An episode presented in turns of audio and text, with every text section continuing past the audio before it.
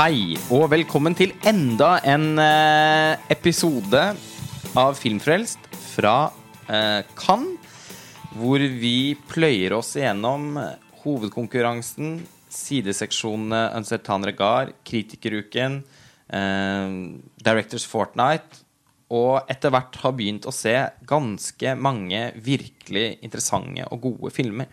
Og i denne episoden så skal vi snakke om den som kanskje har gjort aller størst inntrykk på oss til nå, og som eh, vi i alle fall tenker at er en veldig heit kandidat til å stikke av med Gullpalmen. Selvfølgelig vanskelig å hardnakket påstå noe sånt når vi ennå ikke er halvveis inn i festivalen, men fristende er det likevel eh, etter å ha gått en film som American Honey i møte. Andrea Arnolds fjerde spillefilm. Hun står tidligere britisk regissør eh, som fikk veldig mye oppmerksomhet for en helt fantastisk kortfilm som heter Wasp, og som spillefilmdebuterte spillefilm debuterte med Red Road. Fikk sitt virkelig sånn store gjennombrudd med Fish Tank, som var i hovedkonkurransen i Cannes i 2009, og som eh, fikk, en, fikk en pris. Jeg husker ikke om det var Jeg tror kanskje det var juryens pris. Det, Ja, jeg husker ikke. Nei, det er litt uh, rustent for meg. Som hun fulgte opp med Bronte, adaptasjonen 'Wuthering Heights'. En uh, ganske tålmodighetskrevende stiløvelse. Uh, like utmattende som den var fascinerende, syns jeg i hvert fall. Men nå er hun da tilbake etter flere års uh, pause med American Honey en, nest, en to timer og 40 minutter lang amerikansk roadmovie. Eh, som, eh, som ja, slo eh, pusten ut av oss da vi så den i, i Festivalpalasset i går. Er det noen av dere sånn ja. Er det noen som kan tenke seg å, å fortelle lytterne våre hva, hva den handler om? Jeg kan gjøre et forsøk, jeg. Ja. Um, det handler jo om en eh, eh, ung jente. Hun sier vel i hvert fall at hun er 18 år. Eh, kanskje hun er yngre. Men eh, hun, eh, hun eh, heter Star. Det er det navnet hun har fått. Og hun eh, Litt sånn som navnet kanskje tilsier, så er hun oppvokst i ganske trashy suburbia i USA. White trash. Eh, og det er noen familiekonstellasjoner der som, som er litt vanskelige. Eh, og hun, eh, vi møter henne først når hun er sammen med det som må være hennes halvsøsken. En yngre bror og en yngre søster. På jakt etter mat. De holder på med sånn dumpster diving og leter etter mat i en container. Um, og så eh, kommer det kjørende en van forbi med noen eh, ganske høylytte ungdommer som hun eh, syns er eh, veldig appellerende. Og hun ender opp med å gå inn på det kjøpesenteret i nærheten hvor de eh, befinner seg. Og så får hun kontakt med dem og eh, bestemmer seg etter hvert for å eh, ja, kort fortalt rømme hjemmefra og etterlate disse halvsøsknene hos eh, Biologiske mor? Ja, hos deres biologiske mor. Og eh, begir seg ut sammen med denne gjengen i verden som holder på med å, å eh, selge noen slags sånne abonnementer på magasiner Fiktive. fiktive magasiner. De tilpasser eh, magasinene litt ut fra eh, kundene og situasjonen.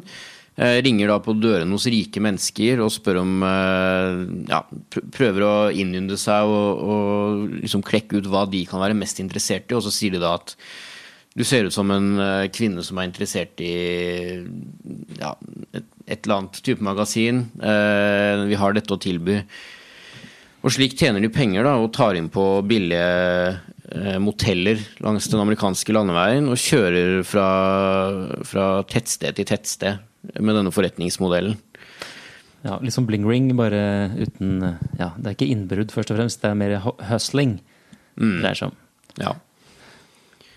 Ja, nei, Det er jo, det er jo premisset også for filmen på mange måter. Men, øhm, og øh, Hvordan skal man egentlig angripe den? Skal man liksom snakke, analysere historien? Jeg syns kanskje ikke det er så interessant. Jeg er jo kjempestor fan av André Arnold. Jeg har sett alle filmene hennes og, og elsker hennes øh, gjennomdyrking av visse visuelle motiver spesielt. da fra film til film, og ikke minst hvor flink hun er til å holde tilbake informasjon, som jeg har vært inne på med andre filmer under festivalen, sånn som Agassi og Park Chan-wook. Jeg syns Andrea Arnold er en ekspert på det. altså. Eh, og når du nevnte her i premisset at eh, hun blir kjent med disse ungdommene ved kjøpesenter, sånn, så sitter jeg og tenker ja, men kanskje hun egentlig kjenner det litt fra før, men det blir ikke sagt eksplisitt. Det blir ikke sagt noen ting om hva, hva denne jobben som hun skal ha, går ut på. Og det er en del, masse sånne ting i løpet av filmen som, som vi også må være med på reisen. Like mye som, som det hun er, da. ikke sant? Mm. Til, altså hun er på mange måter vår, øh, vår vei inn i, i dette, dette, landskapet, denne verden. Mm. Hun er liksom en forlengelse av kameraet, egentlig, føler jeg. Ja, også hvordan hun, hun er og spiller, For det er ikke det enorme registeret. Kanskje ikke så lett å, å identifisere seg sånn emosjonelt med henne, syns i hvert fall jeg. Det syns jeg egentlig ikke man kan gjøre nesten i noen av André Arnolds filmer. Hun handler mer om observasjon, sånn nesten antonionisk. Mm. Eh, og, og, dermed blir hun da, dette mediet, tilskuerens medie, mm. inn, i, inn, i, denne roadmovien, som jeg syns er veldig morsomt. Ja, det er litt sånn at vi kler henne på oss, og ja. så blir vi med på denne turen langs den amerikanske landeveien. Mm. Ja. Den er jo så utrolig stemningsmetta og Ja, det er en litt sånn slice of life-type film, selv om den uh, varer såpass lenge og har et litt sånn episk preg òg. For det er noe med hvordan hun forandrer seg og, og, blir mer og mer voksen og erfaren i løpet av denne, altså disse turene rundt i Amerika, uten at det egentlig skjer så så veldig mye. Ikke i starten, i hvert fall. Vi, vi, tilbringer bare veldig mye tid med henne og, og de ungdommene inni den vanen og rundt omkring. Og det er eh, veldig en film etter min smak, da. Med både altså denne coming, altså coming of age-tematikken, road movie-aspektet White trash er det også inne på? Ja, det er også. Den estetikken knytta til det. Eh, Rappmusikken og at man bare nettopp dette at man bare blir kasta ut i det og får være med. Og jeg, jeg, har bare lyst til å være i filmen for alltid. Det var faktisk ikke lang nok for deg på sine tre timer? Det kunne godt vart uh, enda lenger. ja. For det er vel den eneste For filmen har jo da fått uh, nokså euforisk uh, mottakelse av de fleste. Men den, den, lille innvendingen som, som, går igjen hos Også hos meg litt. Ja, ja. ja da. Og, og, og, også hos folk som har likt filmen veldig godt, er jo mm. at den er i lengste laget, og at den sikkert kunne vært uh, kuttet ned uh, Time, nesten. ja. Men jeg, for meg så ville ikke det vært den samme filmen i det hele tatt. Jeg kunne ikke tenkt meg en time og 45 minutters versjon av denne. Da syns jeg noe av opplevelsen ville forsvunnet. Jeg liker den repetisjonen. Og, altså her, Når hun har en så impresjonistisk tilnærming både til historiefortellingen og i det hele tatt det visuelle, så, uh, så syns jeg da det er en film som nesten utelukkende handler om atmosfære.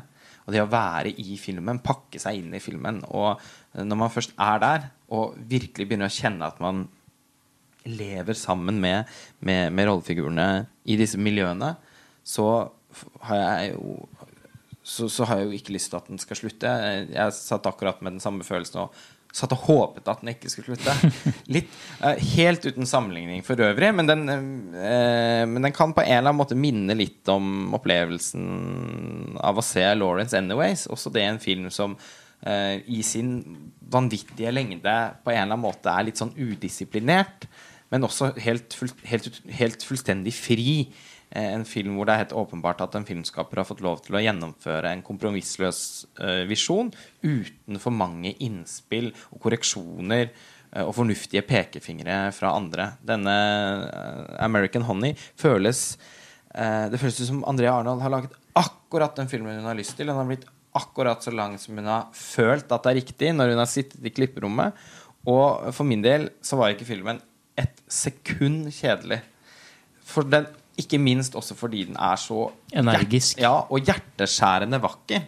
Altså den, Robbie Ryan, fotografen til André Arnold, har jo, gjorde også et veldig fint arbeid på den nye filmen til Ken Loach her nede. Også det er en film som jeg håper at vi kommer tilbake til på et eh, tidspunkt i løpet av festivaldekningen. I. Daniel Blake. Det var en gripende fortelling eh, fra et eh, Nav-system i England som, som ligner vårt eget.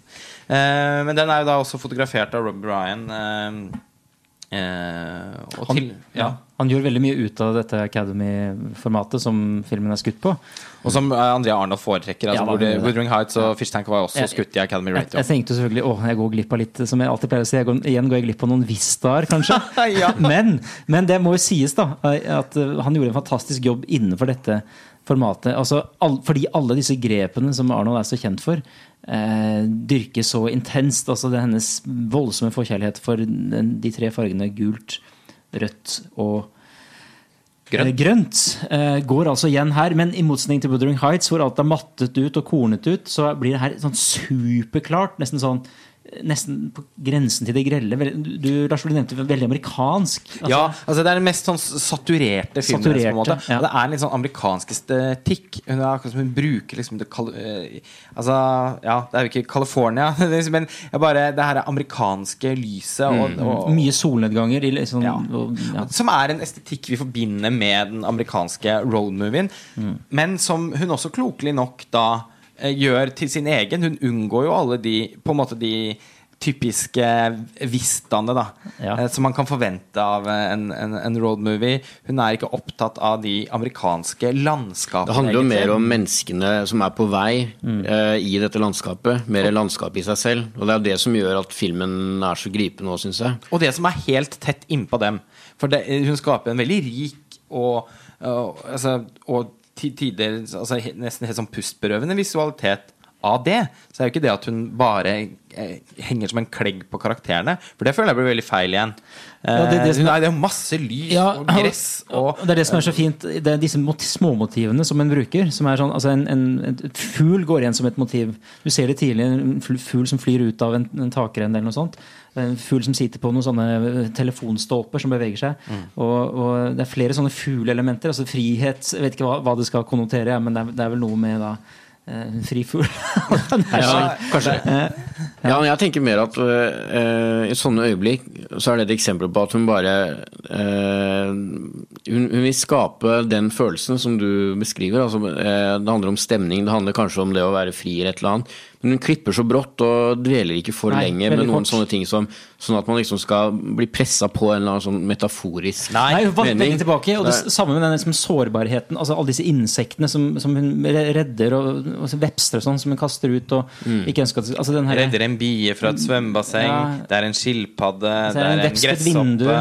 Ja, alt dette her er også liksom sånn bitte små Utbroderes ikke. Jeg kan ikke si at det er noe sånn, eh, sånn motiv sånn à la tog i Sajay Drive-filmer. Liksom. Det er ikke så voldsomt. Det er mye mer diskré, da. Det med toget er jo et interessant eksempel, for man hører jo stadig den tog, luren. Sånn togluren Og i American Honey. ja, Ja. I, i bakgrunnen. Som er nok til å liksom få en sånn følelse at ja, nå er vi ute på den amerikanske prærien omtrent. Eh, Men at man bare får en sånn, sånn eh, blaff da, som er utrolig Men den stemningsskapende. er aldri, selv om det er så, så mange sånne liksom vare, vakre scener i filmen, så er den ikke sånn Den er ikke sånn in, eh, Insister- insisterende, megetsigende, Ja, ja, ja. eh, syns jeg. Det er, det er kanskje en sånn, jeg tenker det var litt sånn, jeg synes det var humoristisk, en hund som da er i, i Supermann-kostyme, fordi de, de skal til Kansas City, som er Supermanns stat, ikke sant?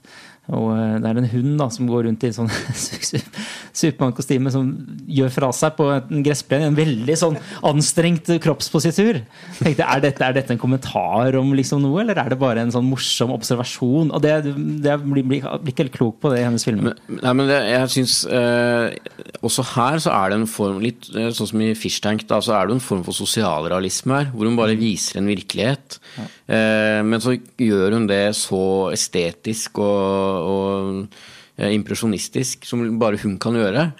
Og det er jo det som også er interessant, at eh, når man får lyst til å bli værende i filmen, så så handler jo ikke det om at filmen er romantiserende heller, med denne eh, trashy kulturen og alt det Og ikke engang mytologiserende. Nei. Hvis den bare tar Den, eh, den tar opp i seg noen landeveismyter, noen amerikanske myter, men den dyrker dem ikke. Den bare lar de få liksom være der, om Ja. du skjønner hva jeg mener? Mm. Ja, helt enig. Og det, det er jo flere øyeblikk som kunne blitt langt mer sentimentale, hvor, eh, hvor man får en, en veldig sterk eh, sympati for Star, da, mm. hovedkarakteren, men hvor, hvor også André Arnold vet å begrense seg i, i klippen og med valg av utsnitt og Det har hun alltid gjort. Hun har ja, alltid gjort ja, og det er veldig godt å se at hun eh, lykkes med det så til gangs her også. Og det, eh, det føles veldig som eh, at hun har nådd et, altså hun nådd et punkt. og Det er noe sånn fullendt i, denne, i hele liksom filmens flyktige uttrykk og, og veldig sånn impulsive, så er det også noe veldig sånn fullendt over filmen, føler jeg. Med tanke på hennes tidligere filmografi. da. Hun har i hvert fall betydelig høyere energinivå enn de tidligere filmene hennes. Og det, det er jo litt pga. det som du sier at du ikke dveler ved scenen, men også pga. som jeg er veldig opptatt av, det aurale, altså lydaspektet her. Med, altså Lydeffekter har vært litt inne på, du sier tog og annet sånn contentum, men også selvfølgelig musikken her, som er eh, Det er utrolig mange av disse Hva kalte du sjangeren for, Sveinung? Trap rap. Trap rap, som de spiller da i denne, i denne bilen sin, og, og danser og hopper og spretter til den. og og man, når man tror liksom, ja, Nå har de hatt to sånne scener, tre kanskje. Nei da, de fortsetter med fire og fem og seks. Og, og det blir nesten en sånn Jeg, jeg sa det til, til Lars Ole tidligere, men nesten en sånn tribal eh, atmosfære. De danser til og med rundt bål ved et par anledninger med den her liksom tunge rytmene. eh, og, og den her sånn chanting jeg, Nå bruker jeg mye engelsk ord, for jeg kan ikke på norsk. Her, eh, hva heter det? Chanting. Messing? Messende liksom eh, teksten og sånn. Som, er, eh, som gir en voldsomt uh, lydmessig drive, da. Ja, og de er jo som en liten sånn stamme. Mm. Eh, disse unge, eller ungdommer de, de er jo egentlig sånn unge voksne. For Det er jo ikke, det er jo ikke sak, det kan jo høres ut som det er snakk om 14-15-åringer. Det er det jo ikke. Begynnelsen av 20-årene. Ja, fra Eh, 16-17 til eh, ja, 25, 18, 19, 20 ja, altså det, og, og det blir aldri konkretisert hvor gamle de er. Altså, som du sa, Svein, altså, kanskje hun er 18, kanskje hun er yngre. Hun kan for all del også være eldre enn ja. hovedkarakteren. En som er litt, det er jo to som er litt eldre, som vi egentlig ikke har snakka om. og Det er jo uh, Shia LaBeouf sin uh, rollefigur. Han som rekrutterer Star. på en Ja, måte. som rekrutterer henne til gruppa, og som, uh, som hun etter hvert uh, forelsker seg i.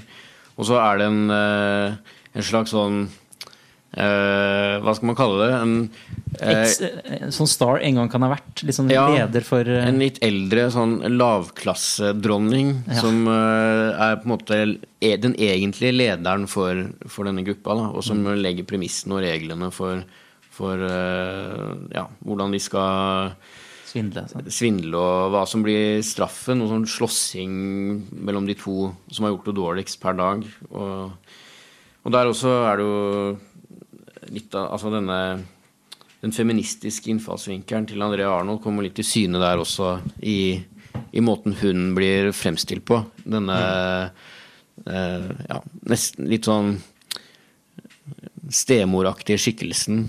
Som, eh, Og så liker jeg veldig godt at hovedkarakteren er intelligent, og at hun ikke sånn åndsfraværende bare kaster seg ut i noen situasjoner og første gang liksom åh, får smaken av verden. Eh, Jeg synes ikke det opplever det ikke sånn i det hele tatt. Hun tar veldig mange litt sånn krasse, egenrådige beslutninger underveis. Opplever en del av situasjonene som veldig teite, og gir uttrykk for det. Eh, når, hun kaster, når hun tar dårlige, dumme valg, så vet hun at det er dumt. Men hun har lyst likevel, fordi hun har lyst til å teste grenser. Hun, har, hun kaster seg inn i en situasjon fordi hun syns den er genuint morsom, og lar det stå til med hva som er konsekvensene. Tenker du på Star nå, eller? Ja. Ja. Og Det er også et interessant eh, forhold til det, at filmen har veldig få sånne klassiske antagonister. altså De har jo da det er potensielle farer, potensielt farlige mennesker som hun sneier innom i løpet av filmen. men men de blir aldri helt du, altså Og det er spenning knyttet til det. Hva, hva, hva vil skje nå? når du møter, Og det, de, de er så meget lugubert ut. Hva skjer nå? Hva skjer Ja. nå? Og så, så gjør hun da forskjellige valg i forhold til å nyansere. da. Og så er det en del av de befriende. Ja, en en del av de birollefigurene og sånn som En del av de menneskene som møter på underveis, som tilsynelatende er litt sånn sjofle typer, viser seg jo egentlig stort sett å være ganske ålreite. Ja. Den- Den er litt sånn fordomsnedbrytende på en veldig subtil, uanstrengt måte. Ja, for Man sitter og forventer det verste, litt fordi at man har sett sånne arketyper i film før. Og så velger hun å bare øh, ja, jevne det med jorda. Eh, som å si at liksom, sånn er det egentlig ikke. Stort sett så er det ikke sånn. Nei. Så, Det er en, der, er mye, der finner man liksom filmens humanisme òg, da. Er, jeg jeg, jeg syns det er en film som har troen på det gode i mennesket. eh, uten å gjøre noen stor sak ut av det. Eh, og, og, og det er der jeg føler at man beveger seg inn på At man uh, Det er liksom her urkvalitetene ligger, syns jeg, i American Honey. Den, den, er rett og slett en Den blir uten å på noe som helst tidspunkt egentlig ha noen vendinger i historien som er eh, spesielt rystende eller Mangler jo konfrontasjoner, egentlig, også. Ja, altså, til og med Shia LaBeouf og Star, som går, har også litt sånn turbulent historie. Der er det ingen store oppgjør. Det, bare, det, det går den ene og den andre retningen. Shia Bluff for øvrig, som spilte, spiller kjempebra, og som glir elegant inn i, inn i, en, eh, i disse art-kunstfilmene som han har begynt å gjøre.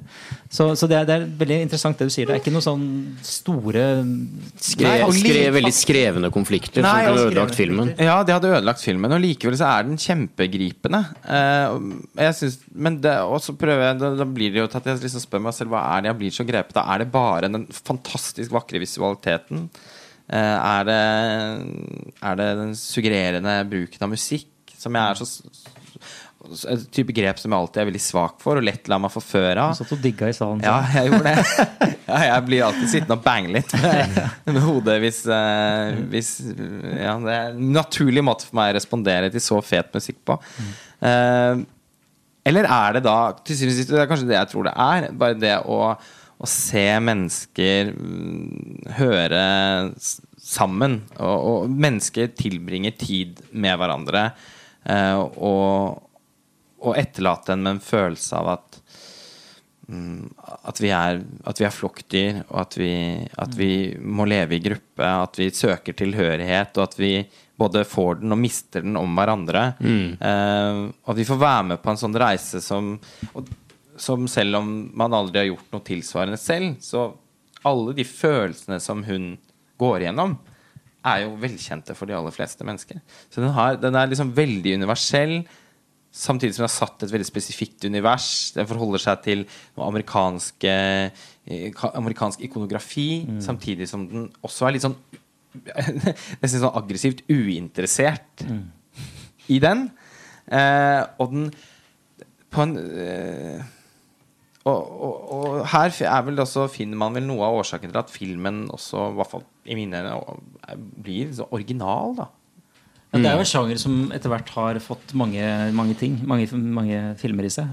Denne her white trash-greien har vel også blitt en slags sjanger de siste årene med den Ja, nå kommer jeg ikke på hva den heter. Jeg tenker på den Spring Breakers. Nei, med hun Den som går rundt med hunden sin. eh, Wendy and Lucy. Wendy Ja, Lucy. mm. Ja. Spring Breakers er jo en veldig relevant uh, sammenligning, da. Mm. Men jeg syns jo det òg er en, et sånt eksempel på at Eller en, en, uh, at noe som vitner om at Andrea Arnold har gjort som hun vil. fordi det, det har blitt lagd mange ungdomsskildringer de senere åra. Og eh, flere filmer som, som skildrer noe av det samme type miljøet. Men det virker som hun da har valgt å, å bare overse det og si at jeg har lyst til å lage en sånn type film uansett. Og så har hun gjort det, og, og gjort det på en såpass eh, original måte innenfor de sjangerrammene, hvis man skal si, kalle det det, da. Ja. Eh, likevel. Og eh, det er jo også noe med at de type filmene Det, det blir jo ikke lagd så mange sånne filmer fra sånne miljøer, men de blir ofte så interessante og gode. Det er derfor man husker dem og, og kan trekke sånne paralleller. Og, og sånn sett så føyer jo denne seg inn i rekken med, med altså som en fortelling om utenforskap og en kultur sett litt eh, med skråblikk og ja. Mm, så, sårbarhet. Det er mye, mye sånne motiver og temaer her. Som, Ja, den har, den har jo en del Den har jo noen fel- fellestrekk med f.eks. filmene til Larry Clark. Også den siste, 'The Smell of Us', som skildrer et ungdomsmiljø i Paris. Men den samtidig så altså, Du kan si den har råheten til en Larry Clark-film, men den har også skjønnheten, den visuelle skjønnheten til en Xavier Dolan-film. Ja, du, er gira på å trekke den parallellen. ja, men det er jo ikke så rart at jeg gjør. For hvis man ser på fotoarbeidet og han Robbie Ryan som fotograf, så har han veldig mye til felles med altså, Do- Dolan er jo veldig glad i å ligge tett på karakterene. Masse nærbilder. Bruker Academy Ratio. Uh, og eh, er veldig glad i uh, lyskilder som liksom pipler fram fra alle kanter i bildet. Sterke som, bruk av primærfarger. Eh, jeg syns det er noe i visualiteten her som er veldig sammenfallende.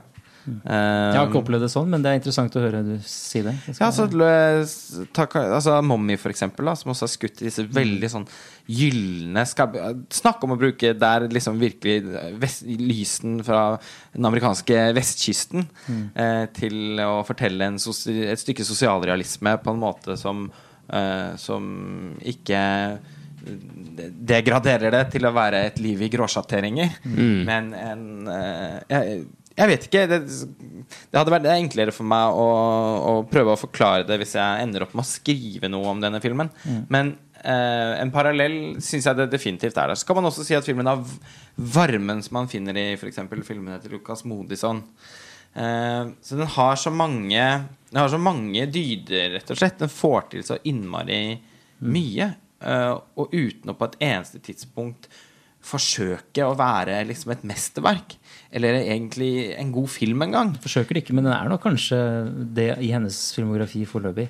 Helt eh, det, det, det jeg Og jeg ser på dette som en ren Andrea Arnold-film. Eh, Jeg ser jo paralleller til andre ting, men det er først og fremst hvordan hun dyrker sine egne uh, varemerker så sterkt i, i denne filmen. Og var- var det en kritiker som sa 'She turns it up to a notch', eller du, du, Ja, det er et sitat fra en eller Jeg tror annen det var Robin Col eh, Robbie Collin som skrev noe sånn uh, at uh, At hun ja, Nei. Jacks up this Ja. shit, eller et eller annet sånt. Altså, nå, nå går hun liksom enda et, et steg videre i det hun allerede har lagt grunnlaget med. jeg må si det jeg syns egentlig bare har vært blaff av tidligere eh, hos André Arnold, som jeg har satt veldig stor pris på, og som har gjort at jeg har satt pris på kanskje særlig Fish Tank, og, men også, herregud, jeg syns også Red Roll var en kjempespennende film, men den er litt annerledes. I de tidligere filmene sine, den, det slår ut i full blomst, da, rett og slett. Det er helt åpenbart eh, hennes første mesterverk, eh, rett og slett, syns jeg, og en en suveren kandidat til å vinne Gullpalmen. Og, jeg, man må jo si at eh, nå har det jo vært rettet veldig mye eh, kritikk, og veldig berettiget kritikk, mot Cannes-festivalen de siste årene om at det er latterlig hvor få kvinnelige regissører som er representert i programmene her. Og i år så er det jo faktisk eh, noe bedre enn det har vært på en del år. Man har jo og, og filmene til Maren Ade og Andrea Arnold er jo så langt de to som har mottatt mest sånn euforisk mottakelse. Og eh, med tanke på at George Miller også da er feminist, eh, så er det Eller selverklært feminist, i hvert fall. Så har de jo en gyllen sjanse i år til å kunne gi Gullpalmen til en kvinnelig regissør. Det må man jo si. Og- Som begge har en veldig smart og unik tilnærming til det med feminisme i filmene sine. Nå har vi jo ikke snakka så mye om det, det blir jo en større diskusjon, men, men ja. Ja, det er jo eh, ikke noen tvil om. Og med veldig altså, spennende kvinnelige hovedkarakterer òg, i, i filmene. Men det vil jo se underlig ut, tenker jeg. Men nå har vi ikke sett filmene som kommer, så det blir veldig vanskelig å være bastant. Eh, plutselig så kommer Christian Mungu med en helt sånn eksplosivt eh, litt rumensk eh, mesterstykke. Men eh, her har de en gyllen anledning, tenker jeg, til å, eh, til å rose og løfte fram det som har vært en av de siste ti årenes mest lovende, interessante filmskapere. Andrea Arnold, som helt uten tvil har laget sitt beste, og sin, ikke bare sin beste, men også sin mest, klart mest ambisiøse film. Eh, mottagelsen er overveldende. Eh, jeg kjenner palmesuset slå meg i ansiktet. Det må jeg bare si. Ja, nei, jeg, skri, jeg er helt enig i det. Jeg håper og egentlig tror at den vinner. Ja. Ja, det- ja, Med alle disse forbeholdene så må jeg likevel si at eh, det, for meg er årets beste film også. Så, og jeg håper jo i hvert fall på nåværende tidspunkt at den vinner Gullpalmen. Jeg også. Jeg gjør det. Jeg blir også ganske slått i bakken hvis jeg ender opp med å se en bedre film i år enn American Honey. Så der har dere bøssen om den. Der har du Eh, tipsen, tipset. Så får vi se. Uh, ja, vi, vi Stalltips fra oss. Filmen vinner Gullpalmen. Ja. Det er årets beste film. Det er bare å glede seg. La oss håpe en norsk eh, distributør eh, er modig nok til å kjøpe Altså det Vinner den palmen, så blir den jo kjøpt uansett. Men den er jo veldig lang, og den kommer til å være vanskelig å Eh, akkurat som vi snakket om i den forrige podkasten om Parshavux Agassi. Dette er heller ikke en spesielt enkel film å selge inn til et uh, større publikum.